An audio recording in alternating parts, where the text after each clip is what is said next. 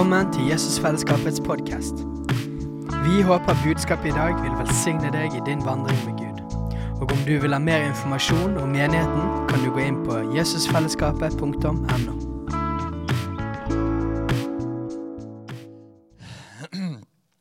Guds nærvær. Da må vi be. Shibrababa shikindi. Sibaba branamana shikibrilimini shikaba. Gud, jeg ber at du skal åpne himmelen. Jeg ber om en åpen himmel. Sånn at det ikke bare er teori, at det ikke bare er ord, men at vi kan få erfare det. Jeg har ikke lyst til at det skal bare være et sånt punkt på vår kjerneverdiliste. Gud, jeg ønsker at, eh, at du skal ta tak i mitt hjerte, ta tak i våre hjerter. At du mer enn noe annet skal vekke opp en lengsel etter deg sjøl. Fordi at du har skapt oss til å kjenne deg. Du har skapt oss til å leve tett på deg. Vi ble faktisk skapt til deg, for deg.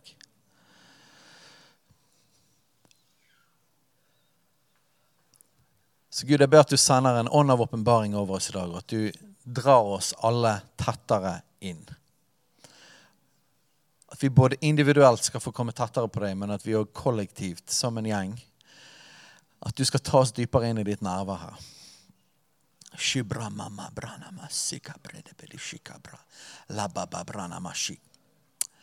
La oss, ta en sånn eh, Med mindre du syns det er ubehagelig, og sånn, så ta og legg en hånd på en som er i nærheten. Eh, skal ikke tvinge noen til det, men, men hvis det er greit for deg, så tar vi og ber for hverandre.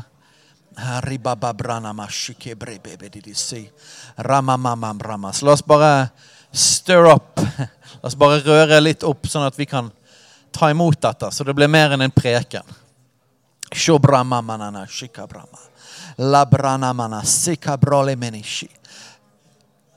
Kom, Hellige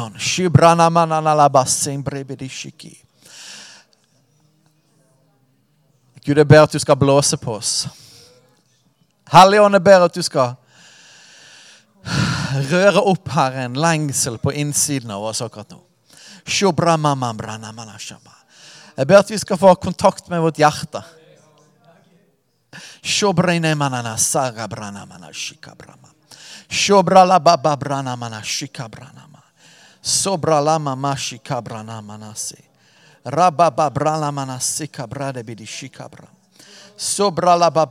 mana. Shobrana mama brana mana shiki brebi. Shobrana mana mana shiki brenemi.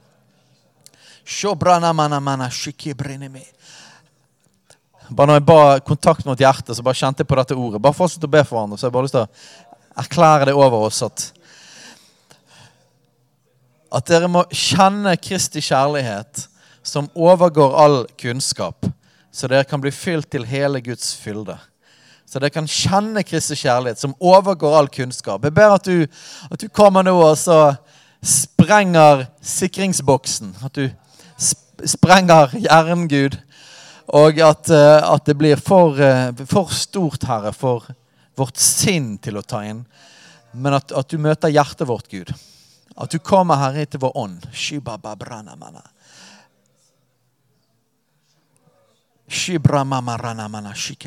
Kjenne Kristi kjærlighet som overgår all kunnskap.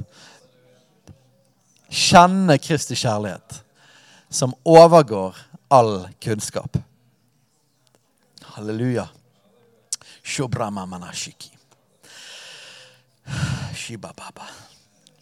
OK. Da er vi klar. Jeg liker å forkynne ut fra Bibelen. Så i dag blir det en del bibelundervisning. Har dere eh, elektroniske eller eh, fysiske bibler? Analoge? Ja, De er vel fysiske, for så vidt. iPaden og telefonen òg, men eh, det er noe spesielt dette med å ikke bare høre når noen leser ordet, men å lese det sjøl. Ikke det bra? Så blir vi òg vant med de skriftstedene og lese de og ta det inn på egen hånd. Så vi begynner eh, helt i begynnelsen. Første side i Bibelen. Og vi skal ende nesten i siste side. Jeg liker å ta det grundig.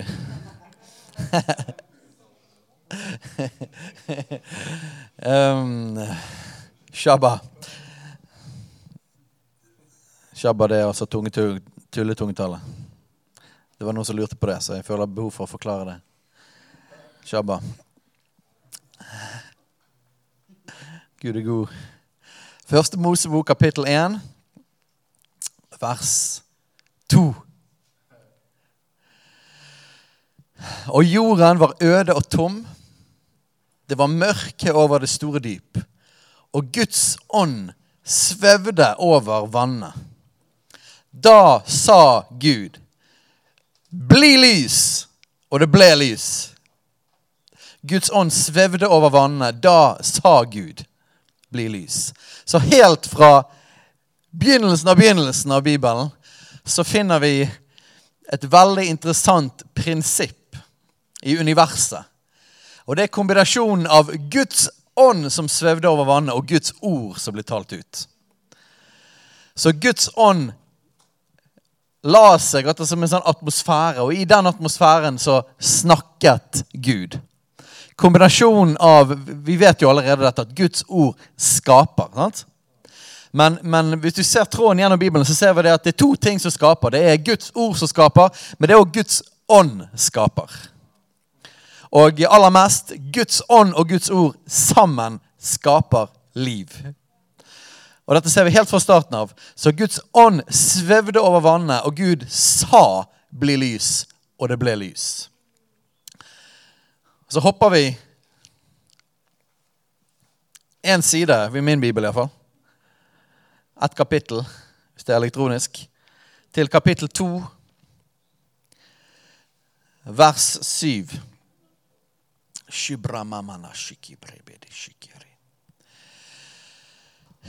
Gud, Herren, formet mennesket av jordens støv og blåste livets ånde i hans nese.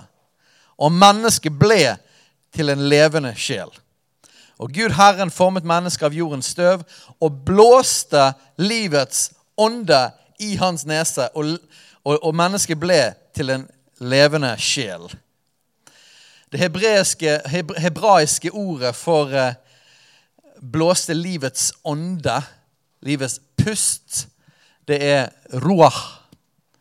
Det betyr, det betyr pust, og det betyr ånd. Det er det samme ordet. Ånd og luftpust, eller vind, er det samme ordet. Eh, både på hebraisk og på gresk. Så Gud skapte først lyset og så videre jorden og alt sammen ved at Guds ånd svevde over vannet, og så talte han. Og så skapte han mennesket ved å forme det av jorden, og så blåste han livets ånde inn i det. Ok, Hva betyr dette her? Det betyr at uh, livet er i hans ånd. Livet kommer fra hans pust. Når han puster, så er det ånd. Når han puster, så ble Adam til en levende sjel. Og det er fortsatt sånn. Det var han som satte hjertet i gang til å slå. Fortsatt er det sånn i, vitenskapen og legevitenskapen at uh, man kan jo bruke liksom, uh, elektrisitet for å prøve å starte et hjerte igjen og, og gjøre litt forskjellige sånne ting. Men Eh, og, og, man kan gjøre visse ting for å holde hjertet slående. Men det er én ting som mennesket ikke har klart å få til. Det er å få det i gang i utgangspunktet. Vi kan ikke skape liv. Og hvis livet først forsvinner sånn skikkelig, så er det ingenting mennesker heller kan gjøre for å få liv i det igjen. Er ikke det riktig? Så liv og død det er utenfor vårt domene utenfor våre hender. Kun han kan skape liv. Og måten han skaper liv på, er at han blåser sin ånd inn i det. Så selve definisjonen av liv, det er han, og det er i hans ånd. Ok. Litt videre. Vi skal ikke gå inn i syndefallet noe særlig, men jeg har lyst til å bare ta ett ord fra kapittel 3 og det er kapittel 3, vers 8. Og dette var etter de hadde falt, de hadde spist av treet. Um, og så skjer dette her. Og de hørte Gud, Herren, som vandret i hagen da Herren var blitt sval. Og Adam og hans hustru skjulte seg for Herren Guds åsyn mellom trærne i hagen. Da kalte Gud Herren på Adam og sa til han, 'Hvor er du?'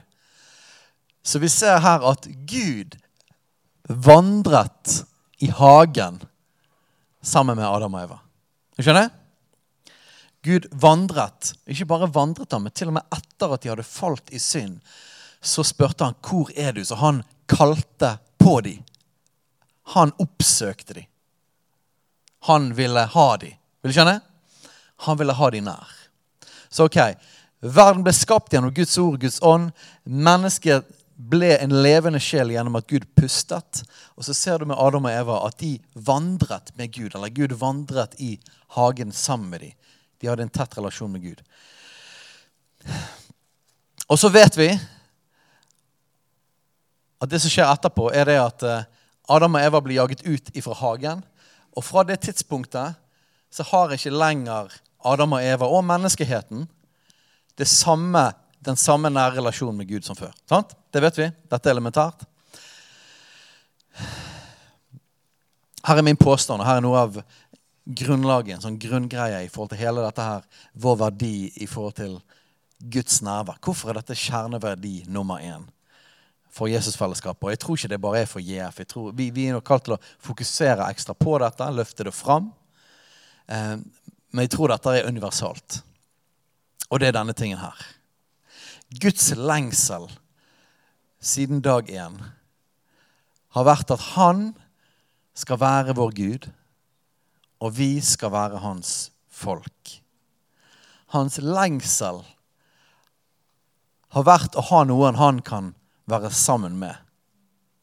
Hans lengsel har vært vår intimitet. Hans lengsel har vært at vi kan være hans folk. Alt dette handler om det. Og Vi kommer etter hvert til korset og hva betydningen og meningen med korset. Men vi har lyst, til, har lyst til å se på noen sånne hint i dette og se at det er en rød tråd gjennom hele Bibelen. Så først vil jeg vi skal se på tabernaklet og Moses. Så hvis vi kan slå opp i andre Mosebok Rimama shiki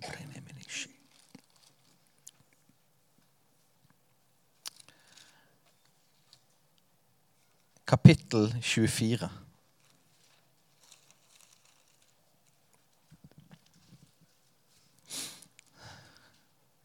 Og Vi har ikke tid til å ta hele den historien. Det hadde vært spennende å bare gå dypt inn i den en gang. Men uh, her er det israelsfolket som er ute i ørkenen. Og um, på et visst tidspunkt så bestemmer Gud seg for å åpenbare seg for hele folket på et fjell. Og eh, Jeg vet ikke om dere husker den historien. Det er mye fram og tilbake og dramatikk. Men Gud viser sin herlighet opp på fjellet, og det er lyn og torden og mørke skyer. Og Gud har lyst til å snakke til folket direkte. Og så gir han masse sånne eh, regler for hvordan det skal se ut, og hvor de skal ikke gå innenfor der og der. og det er masse forskjellige sånne ting. Eh, og så begynner Gud å gi det som som blir kjent som loven, først i ti bud og så resten av loven, så begynner han å fortelle dette direkte til folket. Men eh, folkene blir livredd. Gud lengter etter å åpenbare seg folket, men folket blir redd for Gud. Hans herlighet ble for skummel for dem. Så midt inni dette så sier sier folket Please, ikke la Gud snakke til oss direkte. Moses, kan ikke du være mellommann? Og så kan Gud snakke til deg, og så kan du fortelle til oss det han sier. Så til og med inni her, Vi kan ikke gå for dypt inn i noe, men til og med her så ser vi at Gud ønsket å ha direkte relasjon med sitt folk i ørkenen. Men folket syntes det var for skummelt, og de tok et steg tilbake. Og så etter hvert så så ser vi at, just, at Moses gikk opp på fjellet, fikk se Guds herlighet. Eh, og så, nå bare tar jeg en kjapp versjon av dette. Mens Moses er oppe på fjellet og, og skal få loven for, for eh, de ti bud på steintavlene, mens de holder på med det, så, så faller israelsfolket i synd, og de begynner å samle sammen gull og lage seg en gullkalv og begynne å tilbe den. Skal dere det? Og så kommer han på vei ned, og hvis du har sett en Moses-film Katrine nevnte en Moses-film forrige søndag, så kan vi se det at Moses kom ned og ble ganske frustrert. Det står i Bibelen òg. Knuser steintavlene når han ser at de holder på å tilby denne gullkalven. Så går han opp igjen etterpå, og så får han nye, og så går han ned igjen. Så det er en lang, lang prosess der. Det jeg har lyst til å ta ut av hele den greien, er fra 2. Mosebok kapittel 24. Og det er vers 8.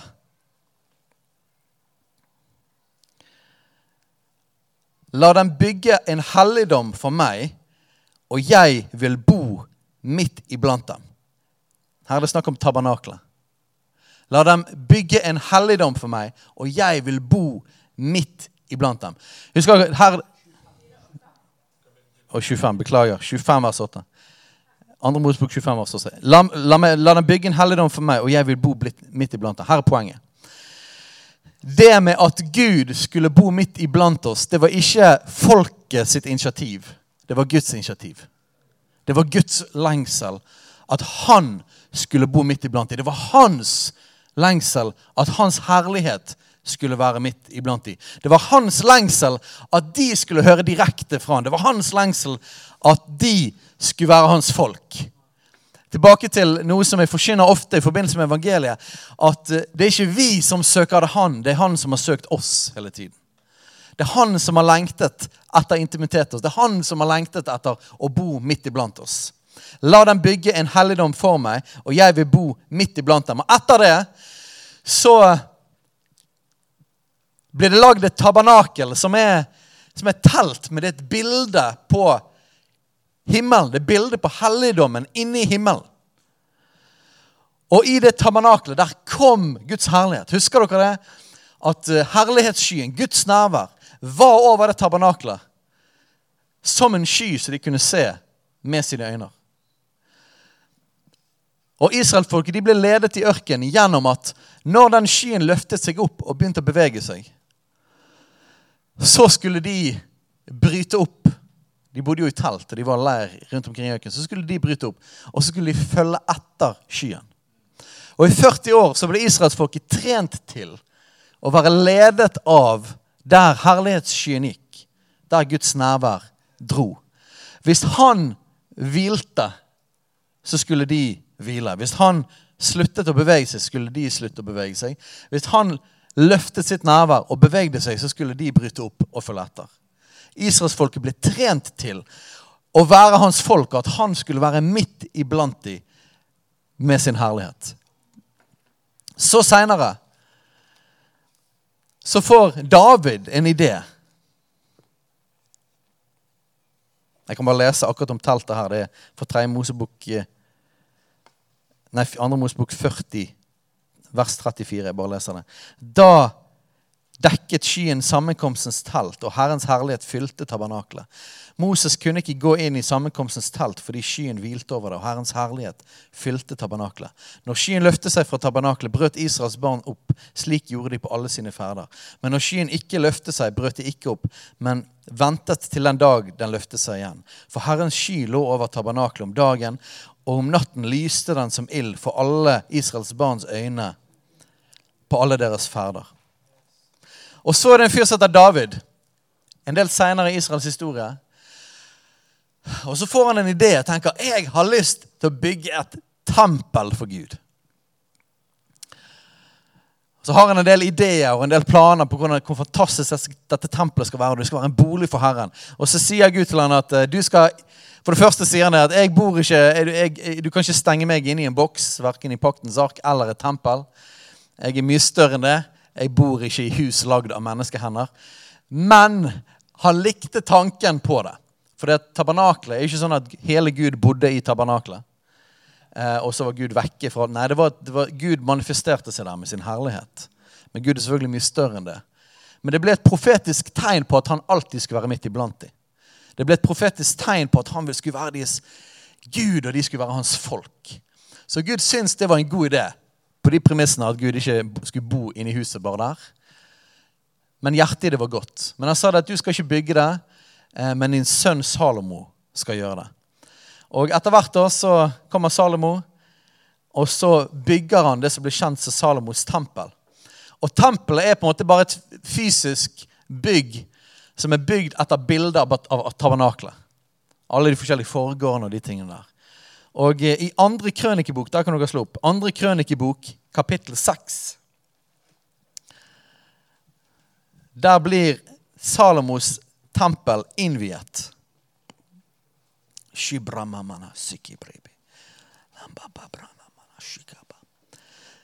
Andre krønikebok, kapittel 6, vers 40. Og på slutten av en sånn innvielsesbønn som Salomo har, har bedt om masse ting i forhold til dette tempelet, så sier han, min Gud, la nå dine øyne være åpne og dine ører merke på dette, eh, merke på den bønn som stiger opp fra dette sted. Reis deg nå, Herre Gud, kom til ditt hvilested, du og din styrkes ark.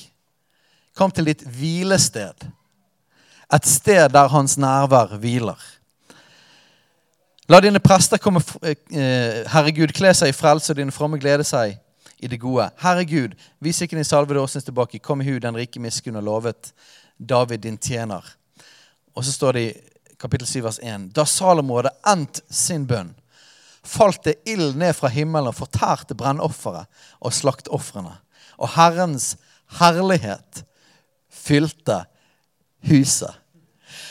Og prestene kunne ikke gå inn i Herrens hus, for Herrens herlighet fylte Herrens hus. Og alle Israels barn så hvordan ilden falt, og Herrens herlighet kom over huset. Da kastet de seg ned på gulvet med ansiktet mot jorden og tilba og lovet Herren. For Han er god, og hans miskunnhet varer til evig tid. Her ser vi jo koblingen mellom Guds ånd som faller, Guds nærvær, Guds herlighet, koblingen med tilbedelse. Ser dere det? Den spontane reaksjonen når Guds ånd falt, var at de tilba. De kastet seg ned for han og tilba. Så hvorfor dette tempelet? Hvorfor tabernaklet? Hvorfor, hvorfor kom Gud på dette fjellet midt ute i ørkenen? Hvorfor vandret Gud i hagen? Hvorfor? Fordi at Guds lengsel var 'Jeg vil være deres Gud, og dere skal være mitt folk.' 'Jeg vil bo midt iblant dere.' Det er et sånt rop som går for helt i begynnelsen gjennom hele Bibelen. og fortsatt er et rop. Er det noen der ute som har lyst til å være mitt folk? For jeg har lyst til å være deres Gud. Jeg har lyst til å ha en bolig. Og han bor ikke bare i bygninger av stein. Han er allestedsnærværende. Men han, han lengter til å komme med sitt nærvær på en spesiell måte. På enkelte steder, over enkelte. Dette tempelet, når Salomo hadde bygd det, fullt av gull, massevis av fine ting Før akkurat det momentet at Guds herlighet kommer på det, hva var dette tempelet for noe da? Da var det bare vegger som så fine ut. Men det var ikke et tempel. For vet du hva definisjonen av et tempel er? Det er en bolig for han. Så om det er tempelet definert om han faktisk er der. Hvis ikke han er der, så er det ikke et tempel. Da er det bare et hus. Så først når Hans herlighet kom og fylte det, ble det faktisk et tempel for Gud. Før det ble det bare vegger. Og Jeg kommer til å gjenta dette når vi kommer over til den nye pakt. Og så ser vi Vi skal ikke gå mer gjennom Gamletestamentet på dette. Men vi kan hoppe til Matteus 27.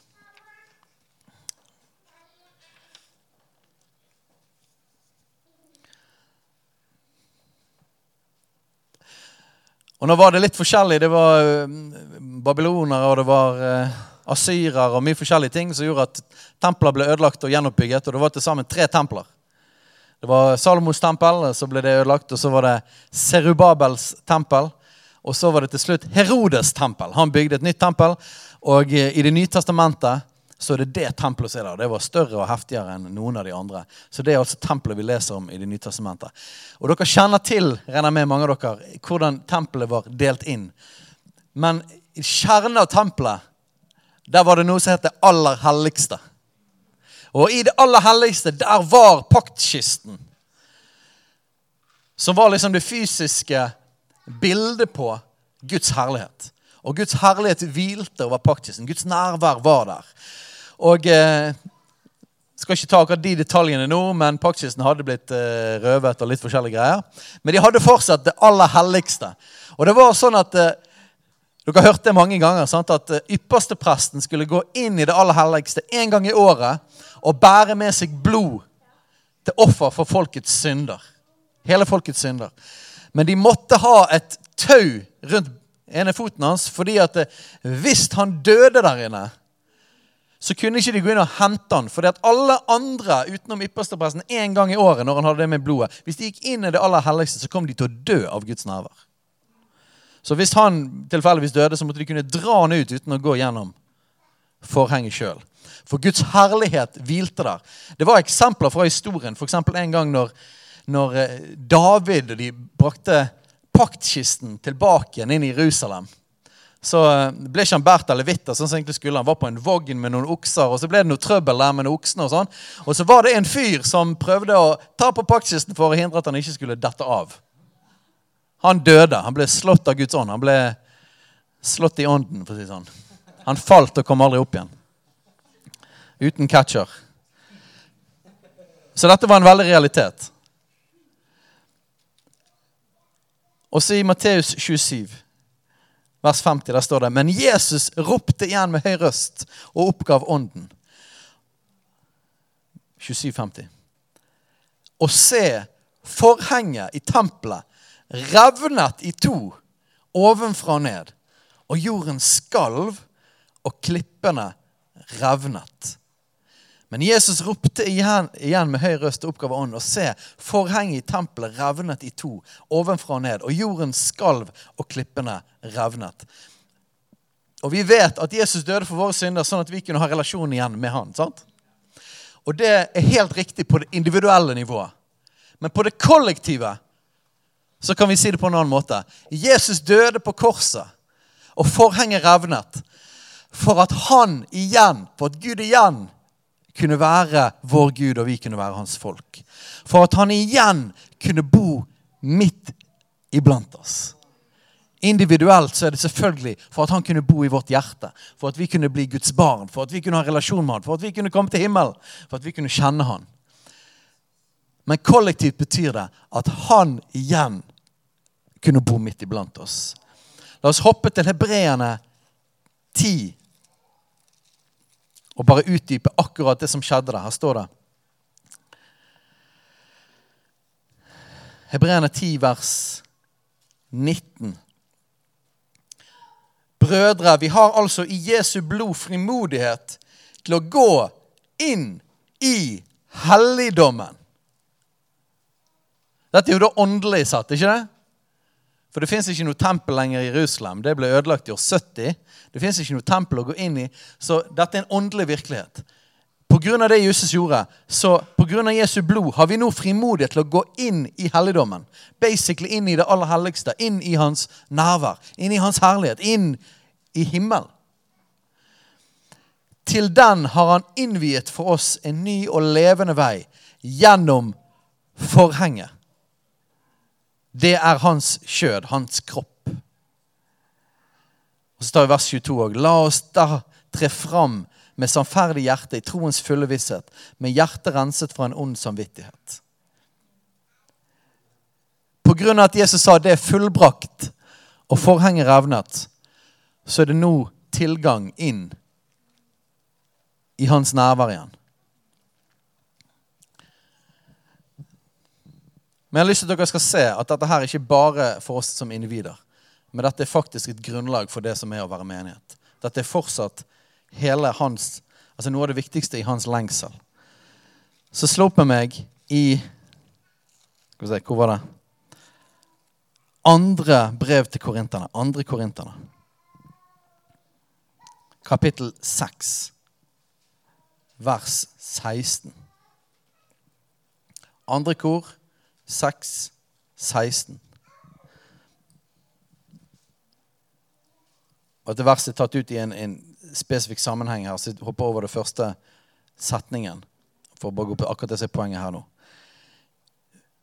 Vi er jo den levende Guds tempel, som Gud har sagt 'Jeg vil bo hos dem og ferdes iblant dem'. 'Jeg vil være deres Gud, og de skal være mitt folk'. Vi er jo den levende Guds tempel. Vi er den levende Guds tempel. Som Gud har sagt, 'Jeg vil bo hos dem og ferdes iblant dem'. 'Jeg vil være deres Gud, og de skal være mitt folk'.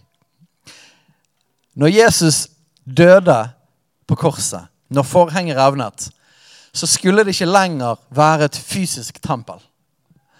Fra nå av så var det alle som trodde på han, som ble tempelet. Og det er mange, mange skriftsteder i Det nye testamentet som sier dette, at vi er tempelet. Det står også om at vi individuelt er tempel for Den hellige ånd. Du er tempel, jeg er tempel.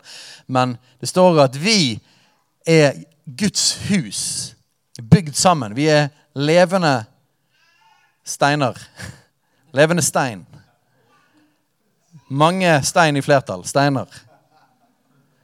Bygget sammen til et Guds hus. Så hensikten for oss å, være levende stein bygget til et hus, det, det han spiller også på legeme. som vi snakket om i sted, sant? At vi er forskjellige kroppsdeler. Men vi er bygget sammen til å være et hus. Hva er hensikten med å være Guds hus? Det er å være en bolig for Han. Hva er hensikten med å være en menighet? Vi kan si det at det er å være en familie, en god gjeng. Ja, Men det er mange som sier det i familie. Apple-ansatte sier det at de er en del av Apple-familien. Motorsykkelklubber sier at vi er familie. Det fins mange som sier at de er familie, og det betyr på en måte at man er en gjeng. Man har et sterkt fellesskap og en sterk tilhørighet. sant? Mange sier de er familie, men å si at vi er familie, er ikke dypt nok og stort nok til å definere hva Guds menighet er. Vi er mer enn familie. Vi er Guds familie. Eller vi er et tempel. Hele poenget med at vi er stein som blir puttet sammen til et tempel, er at vi skal være en bolig for Gud. Basically er poenget med Guds menighet på jorden er at vi skal kunne være bærere av hans herlighet, hans nærvær, til verden. Det er poenget. Fordi at Guds lengsel har fra begynnelsen til slutt vært at 'jeg vil være deres Gud'. Dere skal være mitt folk. Jeg har lyst til å bo midt iblant dere. Og Min påstand, mange har hørt meg si det før, men dette er et sånn grunngreie for hele Jesusfellesskapet vår eksistens, er det at hvis ikke Han er midt iblant oss, så er vi meningsløse som menighet. Hvis ikke Han bor midt iblant oss, til og med ikke bare i teorien, men faktisk merkbart og Alle historiene vi leste, var det ikke nok at det var en åndelig sannhet. Var det? Salomo hadde endt sin bønn, og alle bare Ja, nå er han her. Nei, han kom, og det merktes. Min påstand er at hvis ikke hans nærvær er midt iblant oss, merkbart, da er vi vegger men ikke et tempel. Vi er like meningsløse. Vi som individer er ikke meningsløse, vi er elsket og viktige. dere skjønner det. Men som en struktur, som en menighet, som at vi Hvis ikke hans bolig er midt iblant oss, hvis ikke hans nærvær kan merkes midt iblant, da er vi bare en struktur, da er vi bare vegger. Hvis alt vi er, er program, hvis alt vi er, er å være inne i dette rommet her Hvis alt vi er, er at vi har lovsang, og så har vi forkynnelse, og så har vi informasjon, og vi har kollekt hvis det er alt vi er, hvis alt vi er er en logo, en Facebook-side, en webside Alt det som man tenker er innholdet av menighet Folkens, det er ikke innholdet av menighet. Det er strukturen. Men hvis ikke hans nærvær er midt iblant oss, så er vi ingenting. Og i disse tider Og dette er ikke fordi at vi har lykkes sånn, eller fordi at uh, hos oss så har vi heldigvis skjønt at det så Gud er så fantastisk ekstra glad i oss og bor så ekstra blant oss. Det handler ikke om det. Det handler om at uh, dette er noe som Gud har vist, og som vi slett bare er forpliktet på. At vi kan ikke lenger, spesielt i denne tiden, spesielt i denne delen av verden, fordi at menighet Vi skal ikke ta hele kirkehistorien, men fra år 300 spesielt så ble det bygget større og større kirkestrukturer i Europa. Store katedraler, vakre ting. Og det er ikke det at Gud ikke har brukt det eller kunnet gjøre ting, men det var et sterkt fokus på den fysiske kirken. var ikke det? Og nå i disse tider, de siste, siste 50 årene spesielt, så alle disse store, fantastiske bygningene de blir tømt av folk. I Den norske kirke i dag er det gjennomsnitt syv mennesker på hver gudstjeneste. Men vi har masse fine bygg, har ikke vi det? Så når det gjelder de tradisjonelle kirkesamfunnene, katolske kirker, ortodokse kirker, de statlige lutherske kirkene Massevis av bygg. Men Gud bor ikke i bygg lagd av menneskehender. Han lengter etter at folk kan bo midt iblant. Og byggene er meningsløse hvis ikke, hvis ikke hele hensikten med det er å utruste, trene Lære et folk å være en bolig for Gud. Ok, Så det går til de tradisjonelle kirkesamfunnene. Men hva da med, hva da med frimenighetene? Hva da med den type strukturer? For det første, vi, vi har nedgradert oss til lagerbygg og sånne ting som det. Men vi har det samme symptomet, samme problemet i vår del av verden. I, i den frikirkelige på den frikirkelige siden. Der tenker vi kanskje ikke at det, det er huset eller bygget som er Guds bolig. Men vi tenker at menighet det handler om driften og strukturen på det vi holder på med. Møtet. Planen. Og eh, de flinkeste til å lage et kult opplegg er de som lykkes mest for de får flest folk. Hvorfor det? Fordi at vi er en, vi er en forbrukerkultur.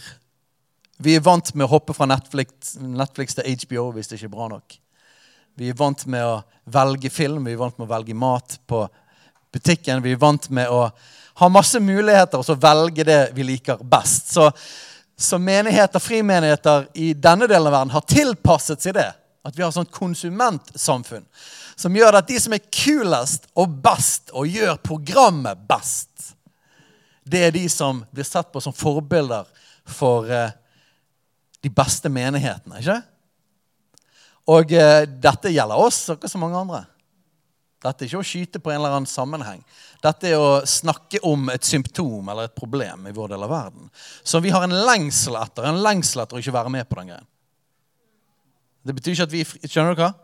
Det er en lengsel etter å ikke være med på den greien. Fordi at Definisjonen av menighet i Det nye testamentet er at vi er Guds folk. Vi er tempelet. Og tempelet handler om å være en bolig for Den hellige ånd. Så derfor er det et stort problem. Et stort problem. Det er ingenting galt med røykmaskin. Vi kunne godt hatt røykmaskin. Det, altså det er helt fint. Men det er et stort problem at vi er mer vant med røykmaskin enn Guds nærvær. Det er et stort problem at vi, vi, vi, vi tenker at god menighet betyr suksessrik menighet.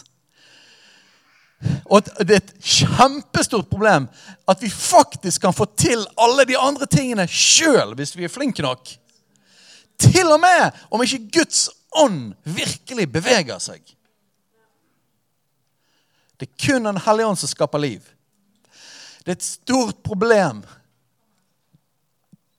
og Gud hjelper oss hvis vi lykkes med strategi og visjon og alt sammen.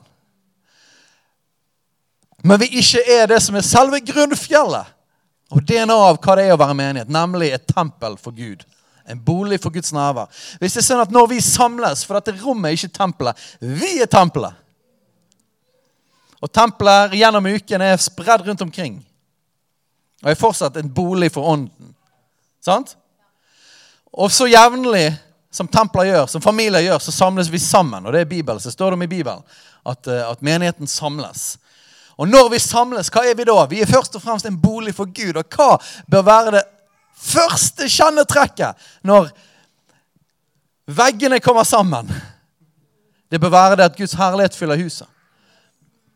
Den gamle pakt som vi leste om, både fra tabernaklet, fjellet ute i, ute i ørkenen, Salomos tempel, Det gamle testamentet, et bilde på det. Det et forbilde. Det var en dårligere pakt enn den vi har.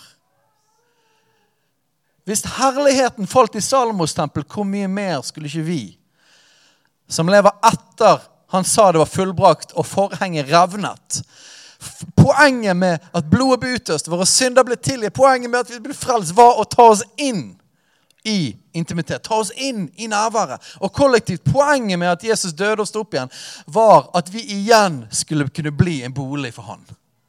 For at han skulle kunne bo midt iblant oss. For at vi skulle være hans folk, og han skulle være vår Gud. La oss hoppe til slutten og se at dette går fra helt i begynnelsen til hele slutten. Johannes' åpenbaring 21. Jeg elsker det kapitlet. Jeg leser ikke kjempemye Johannes' åpenbaring. Men akkurat kapittel 21 leser jeg veldig ofte. Og Se om dere, skal, om dere hører den samme ropet, den samme stemmen fra Gud. Dere det? Som fra starten av. Vi begynner vers 1. Og jeg så en ny himmel og en ny jord, for den første himmel og den første jord var veket bort, og havet er ikke mer. Og jeg kom plutselig på at jeg har glemt et punkt. Jeg stopper. Og så tar vi det punktet først. Jeg kan ikke ta siste punktet før jeg har tatt dette. Apostels gjerninger 2. Kjære alpakka. Vi må jo ta det først. Jeg tok det i korinterne for å si at vi er tempel, og at hans lengsel er at vi skulle være en bolig for han. Men hva er det som skjer? Jesus sier det fullbrakt. Forhenget revner. Og på pinsedag så er de samlet, 120 stykker. Dette er menighetens fødsel. Menighetens start. Det nye tempelet blir bygget her. Rett før dette så basically det gamle tempelet ødelagt. Det sto fysisk der i 70 år. Nei, til år 70, men dette var jo år 33. Men det sto en stund til. Men det var ikke noe tempel lenger. Var det det? De kunne gå der, de kunne gjøre alle ritualene igjen. Og hvem vet, kanskje de sydde igjen forhenget. De kunne gjøre alt det samme. Forskjellen var at Guds nerver var ikke der lenger. Nå var ikke lenger tempelet tempelet. Men et nytt folk ble født på pinsedag. Og det, denne er så godt brukt at den, den er løs. Det, det, det er sånn man ser om man er pinsekarismatiker. Det er om denne siden er slitt eller ikke. Men eh, dere kan jo dette. Apostelgjerninga 2 vers 1. Og da pinsefesten dag var kommet, var de, var de, alle samlet på samme sted. Og de kom ett en lyd fra himmelen, som når et veldig stormvær farer fram og fylte hele huset der de satt. Og det viste seg for dem tunger like som av ild, som delte seg og satte seg på hver enkelt av dem. Da ble de alle fylt med Den hellige ånd, og de begynte å tale i andre tunger, alt etter som ånden ga dem å tale. Hva er dette for noe, folkens? Dette er innvielsen av tempelet i den nye pakt. Ser dere det? Dette er innvielsen av tempelet i den nye pakt. Akkurat som Salomos tempel. Da de hadde bedt, hadde endt sin bønn, så kom Den hellige ånd. Her hadde de bedt. Det var de 50 dager før. De hadde vært i bønn. Og så på pinsedag så kommer ånden. Tempelet ble innviet. Nå er det ikke lenger det gamle tempelet. Forhenget revnet der. Nå er denne gjengen tempelet din bolig for Gud. Og Gjennom hele Det nye testamentet ser du at det er Guds folk. og Overalt der de blir spredt, der følger hans nærvær, hans kraft med. I Apostelens 4 så står det om et bønnemøte. For dette var ikke bare en engangstilfelle. I Apostelens 4 da det brutt ut noen forfølgelser og forskjellige greier, og de kommer sammen og så ber de holde øye med deres trusler. og og så ber de om mer frimodighet og rekke ut din hånd, så tegn under skjer alt mulig. Og I slutten av kapittel 4 så står det da de hadde bedt, skalv stedet, og de ble alle fylt av Den hellige ånd. Og så står det etterpå at nærværet og, og vekkelsen økte. Og nå var det til og med sånn at det kom folk fra byen omkring, og de tok med seg sine syke. Og til og med bare skyggen av Peter gjorde at folk ble helbredet. Og alle ble helbredet. Så dette var ikke bare en engangsgreie på pinsedag, men du ser at de er Guds folk, de er Guds tempel gjennom. Og så til det som jeg skulle lese, da. Johannes' åpenbaring 21.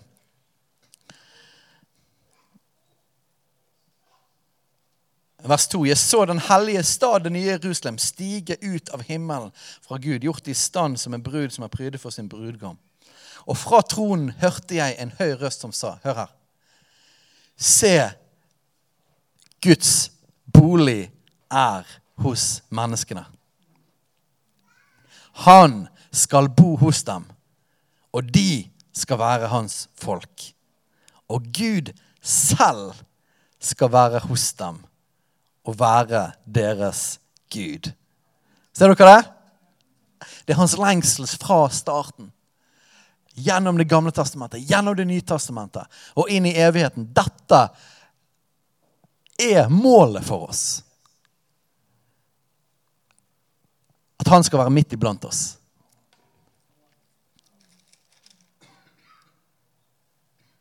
Står det på neste side, vers 22.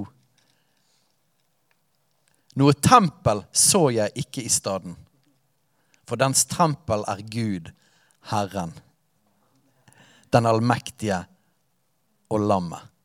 Staden trenger ikke noe lys fra solen eller månen, for Guds herlighet opplyser staden, og lammet er dets lys. Ser dere det? Dette er lengselen. Dette er evigheten. Og, og, jeg skal prøve å gjøre dette med ydmykhet og hjerte, men jeg vil bare fyre et lite stikk ut. Er dere klar for det? Jeg, jeg lengter etter at vi skal vinne mennesker og disiplegjøre mennesker. Men det må komme ut fra rett sted. Det kan ikke komme ut fra at vi ble så flinke at vi fikk det til. Det må komme ut fra hans nerver, fra hans herlighet. Det må komme ut fra hans ånd. Det fantes ikke noe strategimøte på pinsedag til hvordan de skulle nå 3000. Det eneste de hadde, var at Guds ånd falt, og så ble evangeliet forkynt. Europa skal bli frelst. Hvis vi lager en menighet der hovedfokuset er at vi skal bringe andre inn og folk skal bli frelst, og vi gjør det gjennom at vi er flinke og våre teknikker og gjennom vårt program og vårt flotte greier, da står vi i fare for å vinne folk inn til en gud. Hvis vi gjør det på en måte som gjør at vi vil ikke at de skal bli støtt av hans nærvær, så vi tar vekk det som har med Den hellige ånd å gjøre, sånn at de kan få bli kjent med Jesus, som ikke gir helt mening for meg. Men hvis vi gjør det, så i beste fall så klarer vi å få folk frelst. Men vi har ikke gjort de vant med det som er hele poenget. Nemlig at han skal bo midt iblant oss. Og han skal være vår Gud, og vi skal være hans folk. Du kan ikke kutte ut kjernen av hele hans lengsel og det han er, for å vinne folk inn i det. Det går ikke. Jeg tror vi trenger å først være en bolig for Gud. Og så trenger alt å flyte ut derfra. For at alt er i hans ånd. Alt kommer ut fra hans nærvær. Og ut ifra det så er min lengsel at folk skal, og vi, så skal, vi, skal han lære oss å vinne mennesker. Skal han lære oss å fiske mennesker, skal han lære oss å disippelgjøre, lære oss å være familie, lære oss å ha struktur og alle de tingene. Men ut ifra det at det vi tar folk inn i, er å bli hans folk, og han er vår Gud. Det vi tar folk inn i, er at de først og fremst så kjenner de Han. Og at Guds nærvær er ikke skummelt for dem. Det er jo det de blir frelst til. Det var jo derfor forhenget revnet. var ikke Det Det var jo derfor Jesus døde. Når du skal Vegard dele noe, vil du bare etablere det som sånn her fundament nummer én, søyle nummer én for Jesusfellesskapet. Dette er vår lengsel. Dette er ikke noe vi får til. Dette er vår lengsel at mer enn noe annet at vi skal være en bolig for han. At hans nærvær skal ha rom iblant oss. At hans herlighet skal kunne merkes. At før vi finner ut om mennesker liker seg, både kristne, oss sjøl og folk som ikke er kristne ennå, så er min lengsel at han skal like seg. Og det går faktisk først. Jeg har ikke lyst til å lokke noen inn i en relasjon med Gud og gjøre Gud til en annen enn han er, for at de skal bli frelst. Jesusfellesskapet, vår lengsel kommer til å være at vi først og fremst skal være en bolig for Gud i ånden. At hans nerver skal hvile. Så Gud, vi ber om det. For det er ikke noe vi får til, det heller. Vi kan preke om det og si det at det er vår verdi. Men det betyr ikke at det blir sånn. Men jeg vil si at det er vår lengsel. Og jeg ønsker helt oppriktig vi ønsker at våre prioriteringer og vårt fokus skal være på det først og fremst. At du skal ha rom hos oss. At alt vi gjør, er bygget på at vi er ditt tempel, og at du får rom. Vegard.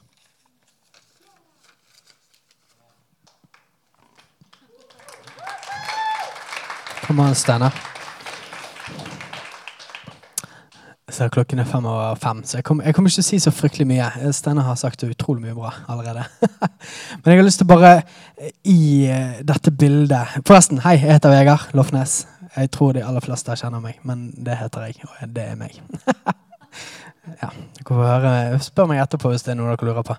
Eh, om meg, altså. Ja. um, i dette bildet og i dette her eh, eh, Jeg har altså et bilde av uh, at Gud vil komme nær, så er det noe jeg har lyst til å, jeg har lyst til å trekke det inn til noe personlig. Skjønner dere hva jeg mener? For dette her er dette er virkeligheten vi lever i, og som vi går for som menighet. At Guds nærvær kommer til oss. Men hva er Guds nærvær? Steinar har allerede sagt det, men jeg vil at vi skal bare eh, slå opp igjen i 2. Mosebok 33. Eh, jeg håpte at Steinar ikke skulle gå dit, og det gjorde ikke han. Så det var veldig bra. 2. Mosebok 33, så syns jeg at eh, Det spiller også på dette som Steinar snakket om i, i, forhold til Adam og Eva, som vandret med Gud i hagen. Eh, og Her er enda et bilde av hva Guds nærvær vil si for våre liv. Og Det står i, i vers 11. Den første Før kommer der, så står det en ting som helt siden jeg var liten, som eh, grep meg mer enn noe annet i Bibelen. Eh, og skapte en lengsel i meg etter å, å følge Jesus. Det var disse hva det blir, syv-åtte ordene. Det er dette. Så talte Herren med Moses ansikt til ansikt. Veldig ofte så forholder vi oss til Guds nærvær som en, en, følelse, eller noe som skjer i et møte, eller at noen blir helbredet, eller at vi får en åpenbaring i Bibelen, eller vi tar nattverd. Og det er Guds nærvær, det òg. Og det er fantastisk. Og det er en kjempeviktig bit av bildet av hva Guds nærvær er. Men spør du meg, så er det mest elementære av alt dette. Hva er Guds nærvær? Jo, det er at Gud kommer ned, stiller seg foran oss og snakker med oss ansikt til ansikt. Og når jeg leste de versene jeg var, var yngre, så, så ble bønnen min, som jeg tror jeg ba i sikkert fem år Gud, la meg få møte deg ansikt til ansikt, nese til nese. Det var min lengsel. Var, eh, hele min lengsel handlet om at når jeg kommer til himmelen, så vil jeg komme og møte Jesus og kjenne igjen lukten av han. Og kjenne igjen huden hans og, og møte Jesus. For dette det er for oss her og nå. Det er ikke for en gang når vi dør. Guds nærvær er at Jesus Kristus, personen Gud, kommer ned og har samfunn med oss, har fellesskap med oss. Og når vi står sant, oppe oss Oslo og så står vi at Hei, ok, folkens, syng deres egen sang til Jesus. Og, og eh, kom igjen, folkens, nå eh, press dere inn, eller eh, bruk deres egen ord, syng deres sang. Så handler det om dette, da. For alle oss som leder lovsang i Jesusfellesskapet, er smittet av en lengsel at vi ikke bare skal gjøre greiene. Vi søker ikke etter at hele menigheten skal få en eller annen følelse.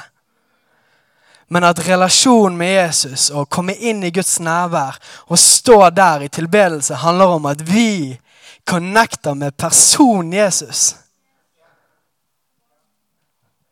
Jeg, jeg disser ikke at, at, at, vi kan alle føle følelser. og sånt. Jeg syns det er kjempebra. Det er dritbra, men, men, men det er ikke det som er greien.